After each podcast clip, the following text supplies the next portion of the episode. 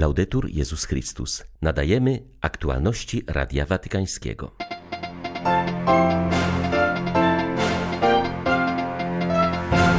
Nie zamykajmy Boga w naszych schematach, zachęcał papież na Anioł Pański.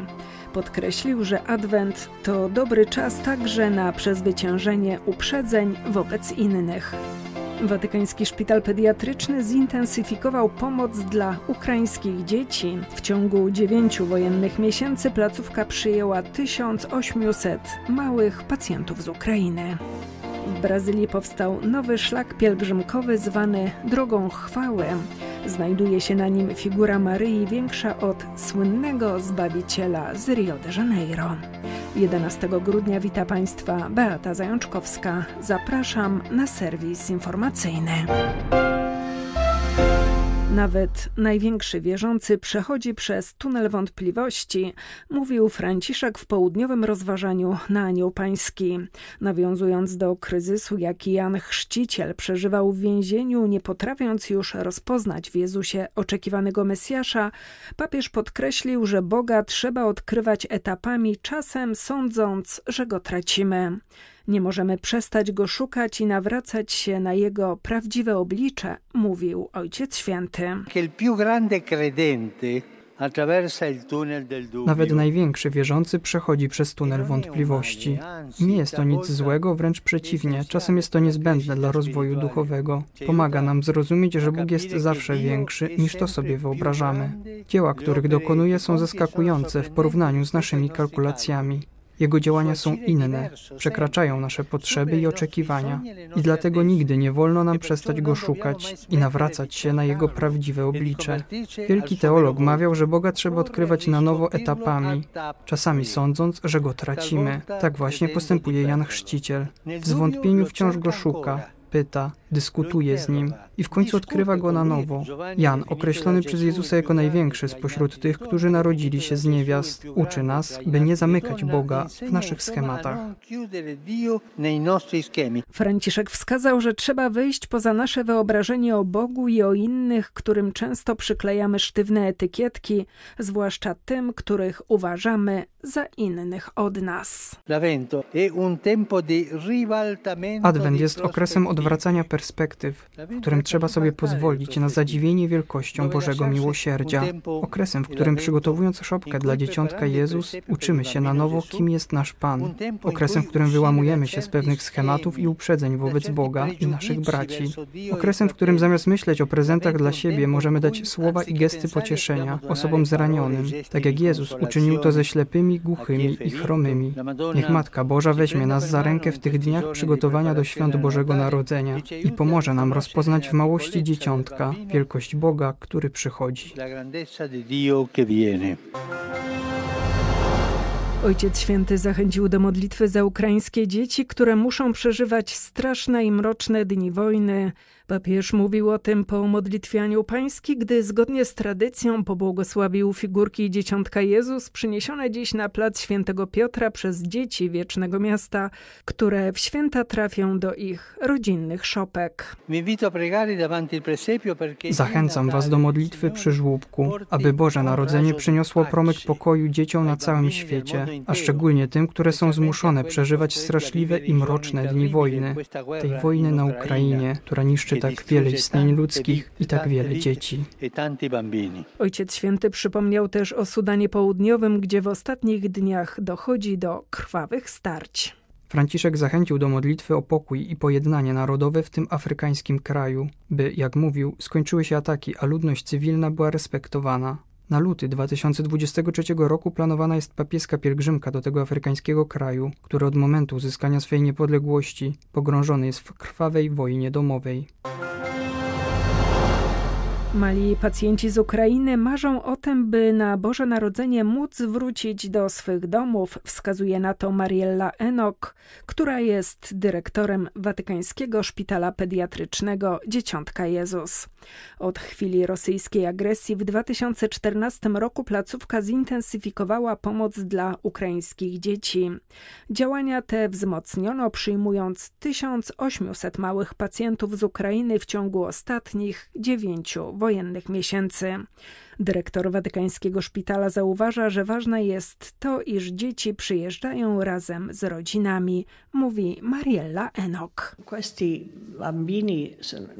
Przyjęliśmy około 1800 dzieci z terenów pogrążonej w wojnie Ukrainy. Niektóre przyjechały z całymi rodzinami, inne tylko z rodzicami lub starszym rodzeństwem. Musimy nie tylko leczyć, ale zrobić wszystko, co w naszej mocy, by otoczyć ich miłością, by w jakiś sposób zapomnieli o złu i cierpieniu, którego doświadczyli. Nie istnieją prezenty, które mogłyby to zrekompensować, ale muszą czuć prawdziwą miłość. Muszą poczuć, że są dla nas naprawdę ważni. Dotyczy to także rodzin. Ojca, który jest tu sam z córeczką, której amputowano rękę, matki rannego dziecka, która przyjechała z całą rodziną. Ta wojna sprawia, że czują się jeszcze bardziej zagubieni, samotni. Co my dla nich robimy? To, co robimy dla innych dzieci z całego świata. Sprawiamy, że czują się u nas jak rodzina, szczególnie lekarze, pielęgniarki. Każdy z nas musi ich otoczyć miłością. Oni to wyczuwają. Przyjechali do nas straumatyzowani. Jedno z ukraińskich dzieci przez trzy dni nie chciało być nawet dotykane, wpatrywało się jedynie w sufit. Pamiętam, jak w czasie swych odwiedzin u nas papież Franciszek pogłaskał jedno z dzieci, a ono zaczęło płakać. Te dzieci doświadczyły ogromnej traumy, podobnie jak dzieci z innych krajów ogarniętych wojną, które do nas przyjechały. Twarzy Syryjczyków bije głęboki smutek w miejsce dawnej radości, co pokazuje, jak wielki ciężar niosą w tym niekończącym się kryzysie, podkreśla arcybiskup Samir Nassar. Maronicki arcybiskup Damaszku nazywa ten kryzys dwunastoletnią kalwarią narodu syryjskiego i tłumaczy, że po długim okresie krzyczenia z bólu teraz cierpią w milczeniu, zapomniany przez społeczność międzynarodową. Hierarcha przypomina, że ciągle trwają walki nad krajem wisi widmo inwazji tureckiej. Mówi, że obok melancholii widać na twarzach Syryjczyków zatroskanie, bo brakuje opału, paliwa, elektryczności, chleba, leków i nieustannie trzeba stać w kolejkach po towary. Ludzie są niepewni jutra, myślą o utraconej przeszłości, blokadach, obojętności świata wobec zapomnianej Syrii. Martwią się też o przyszłość, bo ich rodziny rozeszły się na cztery strony świata, a nie jeden z bliskich umarł w drodze. Jakby tego było mało, przytłacza ich inflacja, wzrost cen, bezrobocie, ubóstwo i cierpienia, które nie mają przewidywalnego końca. W ostatnich dniach ONZ ostrzegła, że świat ryzykuje kolejną katastrofę w związku z brakiem należytego zabezpieczenia Syryjczyków przed zbliżającą się zimą. Organizacji dotychczas udało się zebrać tylko 42% funduszy na konieczną pomoc humanitarną przewidzianą dla 6 milionów ludzi. Pilnej pomocy potrzebują osoby najbardziej zagrożone, rodziny z niepełnosprawnymi dziećmi, samotne matki i osoby w podeszłym wieku. W angielskim mieście Stockport powstało nowe sanktuarium eucharystyczne wieczystej adoracji. Toczy się tam stała modlitwa w dwóch intencjach: powołań do kapłaństwa oraz uświęcenia kapłanów. Katolicy zachęcani są do otworzenia listy osób adorujących w tym miejscu Najświętszy Sakrament, aby modlitwa nie ustawała od rana do wieczora. Ta nowa misja eucharystyczna jest odpowiedzią na wezwanie papieża Franciszka skierowane do młodych, aby zwracali uwagę na ciszę Eucharystii i podczas adoracji odkrywali swoje życiowe powołanie, powiedział biskup Mark Davis podczas mszy inauguracyjnej Eucharystyczne Sanktuarium Świętego Józefa w Stockport. W homilii przywołał również postać świętego Jana Pawła II, który wzywał Kościół, aby kapłaństwo katolickie było rozpatrywane w świetle Eucharystii. Tutaj bowiem prosimy, aby otworzyły się oczy wszystkich na ponowne rozpoznanie Jezusa Chrystusa w ofierze i sakramencie Eucharystii i wiele serc ponownie płonie, odpowiadając na swoje wyjątkowe powołanie, zwłaszcza powołanie do kapłaństwa, od którego zależą wszystkie inne powołania chrześcijańskie, mówił biskup Mark Davis. Proboszczem w sanktuarium został ksiądz Sean Davidson. Wszyscy jesteśmy zatroskani faktem głębokiej potrzeby nowych powołań do kapłaństwa w Kościele. Wiele parafii w naszym kraju przestaje istnieć, zresztą tak dzieje się na całym świecie, dlatego potrzebna jest stała, nieustająca modlitwa wstawiennicza w intencji powołań, mówił proboszcz nowego angielskiego sanktuarium ciągłej adoracji eucharystycznej w Stockport dla Radia Watykańskiego. Elżbieta Sobolewska-Farbotko, Radio Bobola, Londyn. W Stanach Zjednoczonych powstał pierwszy komiks poświęcony życiu błogosławionego geniusza komputerowego, który mawiał, że Eucharystia jest jego autostradą do nieba.